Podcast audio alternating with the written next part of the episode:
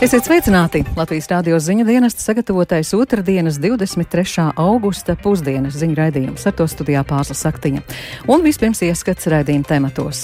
Latgalē arvien zemākās algas un lielākais bezdarbs, bet valdība priekšvēlēšana laikā devusies uz lūdzu stāstīt par sasniegumiem reģiona drošībā un izaugsmē.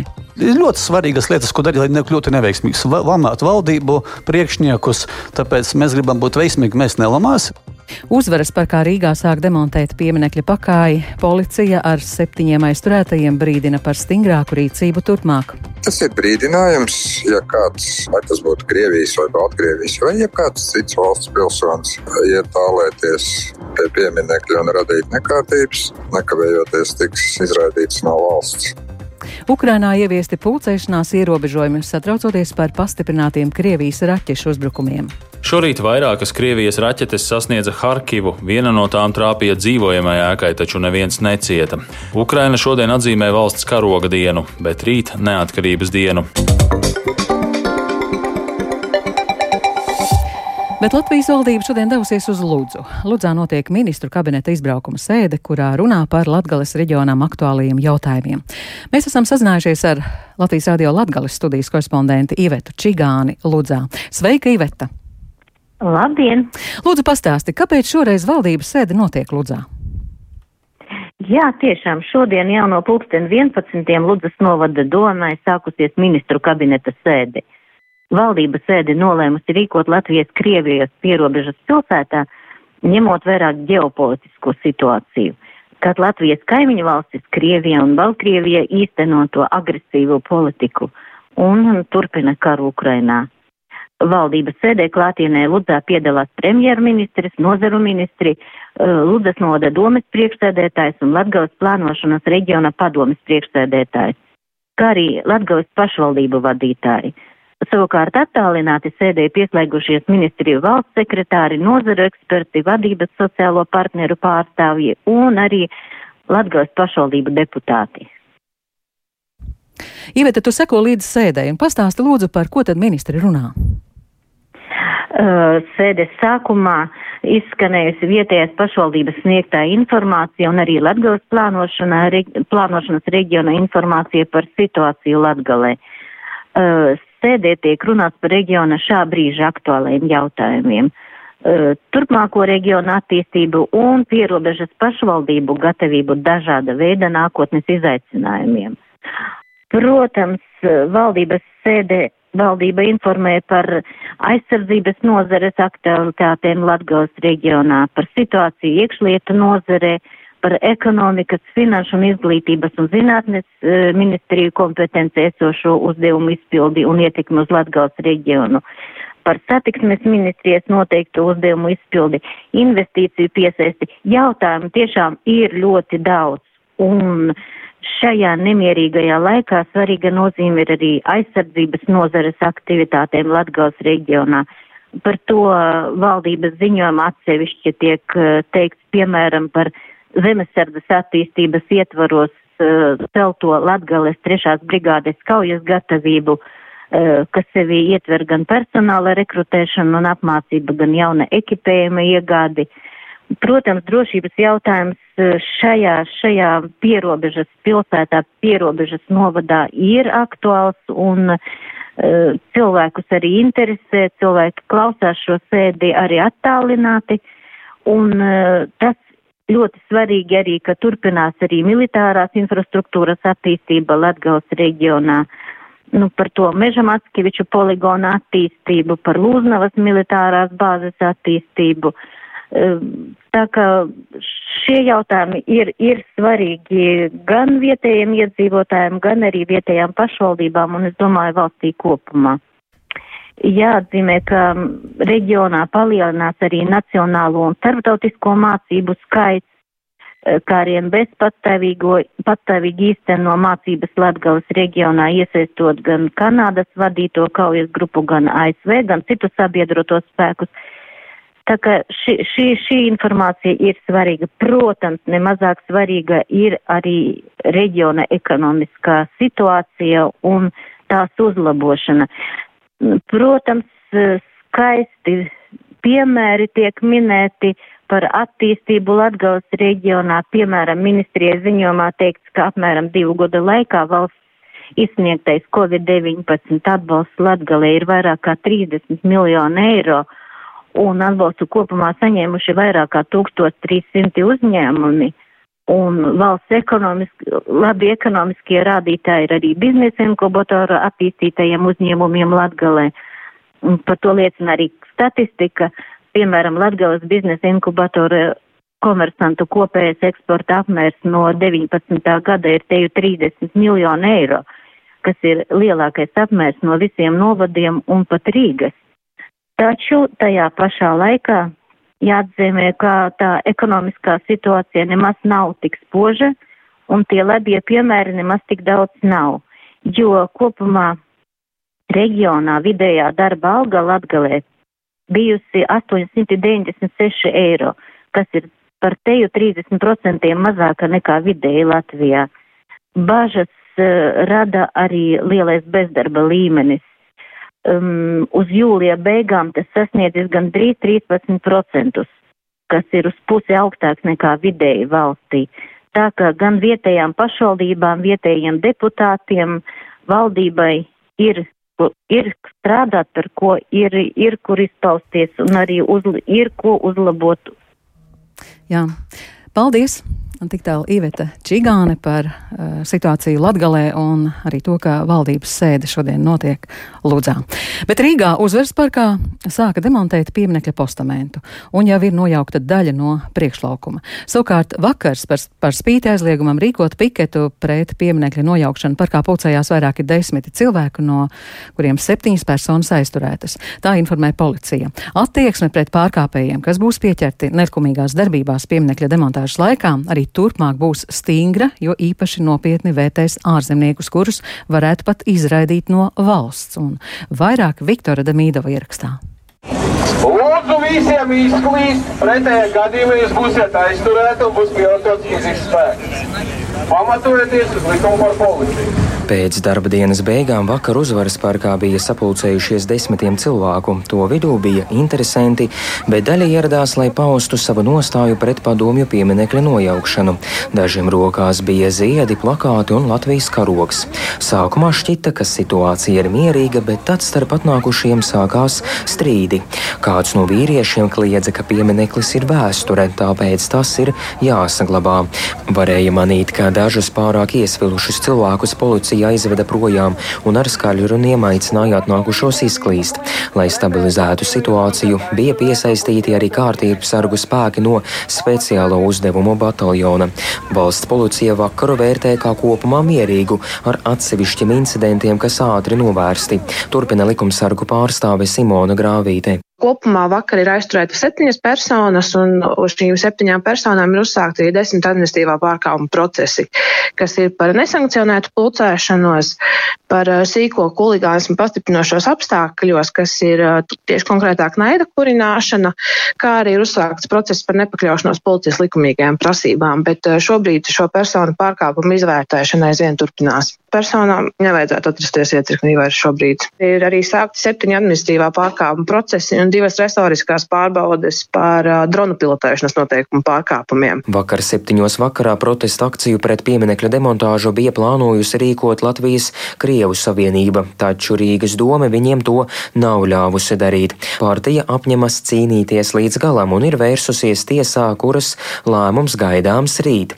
Turpina partijas līdzpriekšsādētājs Miroslavs Mitrofānovs. Vēl mēs gaidām, kad Eiroparlamentā tiks izskatīta mūsu pētīcija, lūgumraksts, kurš ir iesaistīts ar pieminekļa un vispār pieminekļu nojaukšanu un tiem nelabvēlīgiem apstākļiem, kuri izveidojas Latvijā pēc 24.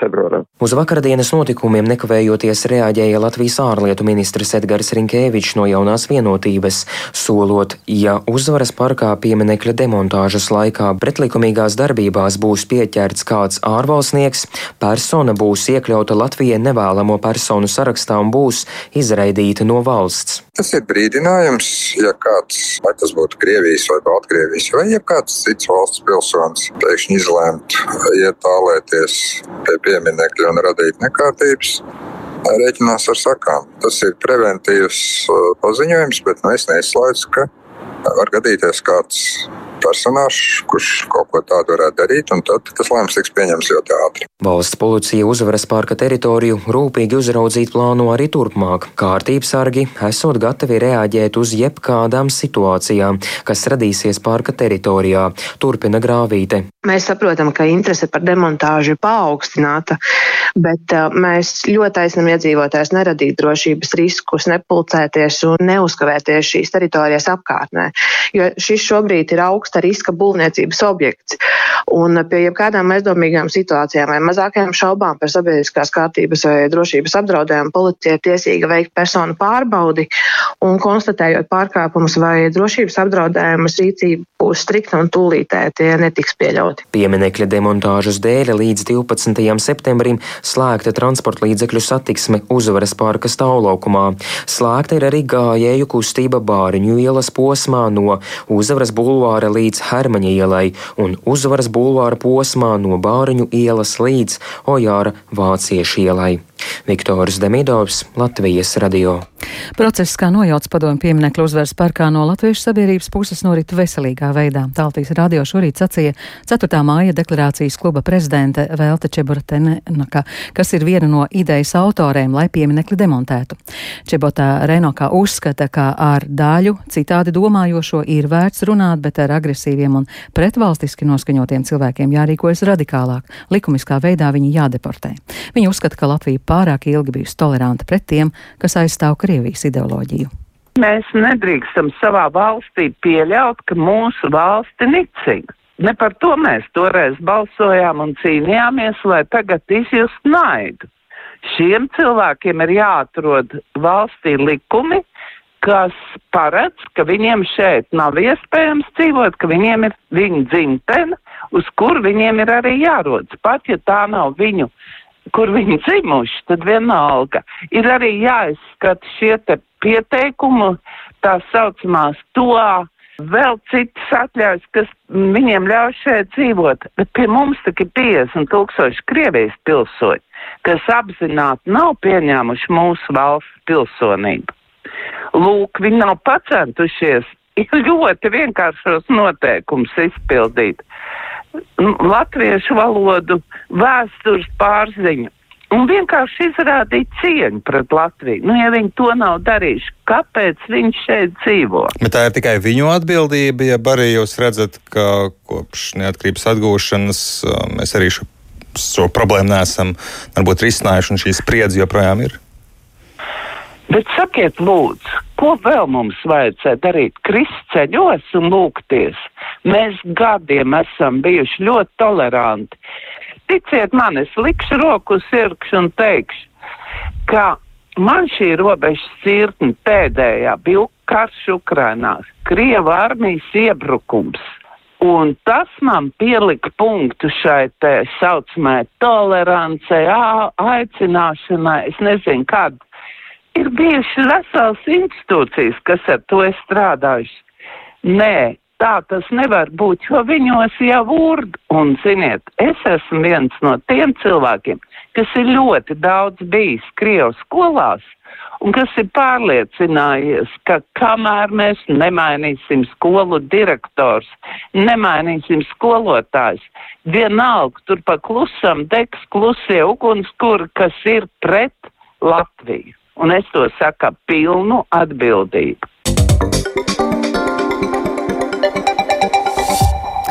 Ukrainas valsts karoga diena sākusies ar jauniem Krievijas raķešu uzbrukumiem pilsētām. Varas iestādes atkārtoti aicinājušas iedzīvotājus tuvākajās dienās būt īpaši piesardzīgiem, jo var pastiprināties Krievijas uzbrukumi. Krievija šodien ir sasaukusi ANO drošības padomas ārkārtas sēdi, lai runātu par drošības situāciju tās karaspēka sagrābtajā Zaporižas atomelektrostacijā. Kīvā šorīt iepriekš neizziņotā vizītē ieradies Polijas prezidents Andrzejs Duda. Un plašāk par visu stāstu Lūdzu Ķezberis. Šorīt vairākas Krievijas raķetes sasniedza Harkivu, viena no tām trāpīja dzīvojamai ēkai, taču neviens necieta. Aizvadītajā naktī ar raķetēm intensīvi apšaudīti arī vairāki rajoni Mikolaivas apgabalā. Savukārt Suma apgabalā ar artilēriju un minmetējiem apšaudīti vairāki pierobežas ciemati. Ukraina šodien atzīmē valsts karoga dienu, bet rīt neatkarības dienu. Kara dēļ nav paredzētas plašas svinības, bet vairākos apgabalos jau no šodienas ir ieviesti dažādi ierobežojumi. Piemēram, Zaporīžas, Dņipropetrovskas, Odesas, Černīhivas un Ternopiļas apgabalos līdz ceturtdienai būs aizliegti masu pasākumi, un iedzīvotāji tiek aicināti bez īpašas nepieciešamības nepamest mājokļus. Harkivā rīt nekursēs metro un tiks pagarināta komandants stunda. Ukrainas valdības kontrolētajās Donetskas apgabala pilsētās Kramatorskā un Slovjanskā šodien un rīt nekursēs sabiedriskais transports un būs slēgtas valsts iestādes, veikali, sabiedriskās ēdināšanas iestādes, aptiekas un bankas. Tiks apturēta arī humanās palīdzības izsniegšana, lai novērstu cilvēku pulcēšanos. Galvaspilsētā Kīvā jau kopš vakardienas ir aizliegti masu pasākumi. Ukrainas aizsardzības ministrijas galvenā izlūkošanas pārvalde aicinājusi valsts iedzīvotājus būt īpaši piesardzīgiem neatkarības dienā, jo esot liela iespējamība, ka pastiprināsies Krievijas raķešu uzbrukumi un citas ienaidnieku provokācijas. Arī ASV izlūkdienestu rīcībā esot informācija, ka Krievija tuvākajās dienās plāno veikt triecienus pa Ukrainas civilo infrastruktūru un valdības objektiem.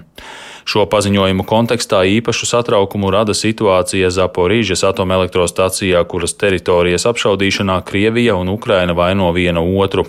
Krievija šodien ir sasaukusi ANO drošības padomes ārkārtas sēdi, lai apspriestu situāciju Zaporīžas atomelektrostacijā.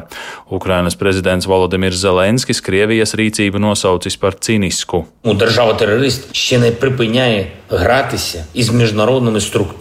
Teroristu valsts nebeidz spēlēties ar starptautiskajām struktūrām un kārtējo reizi nekaunīgi sasauc ANO drošības padomes sanāksmi, lai apspriestu pašas īstenotās provokācijas, pašas īstenoto teroru Zaporižas atomelektrostacijā. Ukraina ir pieprasījusi ANO un Startautiskā sarkanā krusta komitejai pievērst uzmanību tam, ka okupētajā Mariupolis pilsētā šonadēļ varētu notikt Krievijas sagūstīto rūpnīcas Azovstaļa aizstāvju paraugprāva. Kīva norāda, ka tas būs Krievijas kārtējais kara noziegums un Ženēvas konvencijas pārkāpums. Mariupolis mērs Vadims Boičenko pieļauj, ka kara gūstekņu paraugprāva visticamāk notiks rīt Ukrainas neatkarības dienā. Neraugoties uz raķešu uzbrukumu draudiem, Kīvā ieradies Polijas prezidents Andrzejs Duda. Viņa ierašanās iemesls ir šodien notiekošais Krīmas platformas samits. Vizītes laikā Dudam paredzēta arī divpusējā tikšanās ar prezidentu Zelenski. Šī ir Polijas prezidenta trešā vizīte Ukrainā kopš 24. februāra, kad sākās Krievijas iebrukums. Iepriekš Duda kaimiņu valsti apmeklēja aprīlī un maijā. Uldis Česberis, Latvijas radio. Šodien Ukrainā notiek jau otrais Krimas platformas samits. Ukrainas amatpersonas ir apņēmības pilnas starptautisko uzmanību Krimai tikai palielināt un vairāk stāstuģis Lībietis. Tieši pirms gada, 2021. gada 23. augustā, Kijevā notika Krīmas platformas dibināšanas samits. Tajā piedalījās 43 valstu, kā arī 4 starptautisko organizāciju, tostarp Eiropas Savienības un NATO pārstāvi. Krīmas platforma ir paredzēta kā diplomātiska Ukrainas iniciatīva un nākotnē arī kā starptautiski konsultatīvs un koordinējošs mehānisms, kas ļautu nākotnē atgriezt Krievijas anektēto Krimu Ukrainas sastāvā un palīdzētu šim jautājumam nepazust no starptautiskās politiskās dienas dienas kārtības. Krievijas spēkiem iebrukot Ukrainā, jautājums par Krimas atgūšanu ir iegūts jau pavisam citu nokrāsu, jo vēl pagājušajā gadā samitā liels uzsvars tika likts uz nepieciešamību ar Krieviju diskutēt diplomātiskā ceļā. Maskava iepriekš gan ir atkārtot uzsvērus, ka Krimas piederības jautājums tā ir slēgts un vairs netiks apspriests. Taču, kā ir izteicies Ukrainas prezidents Valdemirs Zelenskis, šogad Krimā gaisā ir jūtams, ka okupācija ir īslaicīga un Ukraina atgriežas. Kā norāda Krimas platformas dienesta vadītāja Ukrainas prezidenta pārstāvniecībā Krimā Marija Tomaka, no pašiem Ukraiņiem ir atkarīgs tas, cik ļoti Krimas jautājums tiek aktualizēts ārpus valsts robežām. Nu, Mēs viennozīmīgi varam teikt, ka Krima pašlaik diezin vai ir pasaules uzmanības centrā. Diemžēl Krima pašlaik ir Krievijas armijas aizmuguri un tai tik daudz uzmanības netiek pievērstas.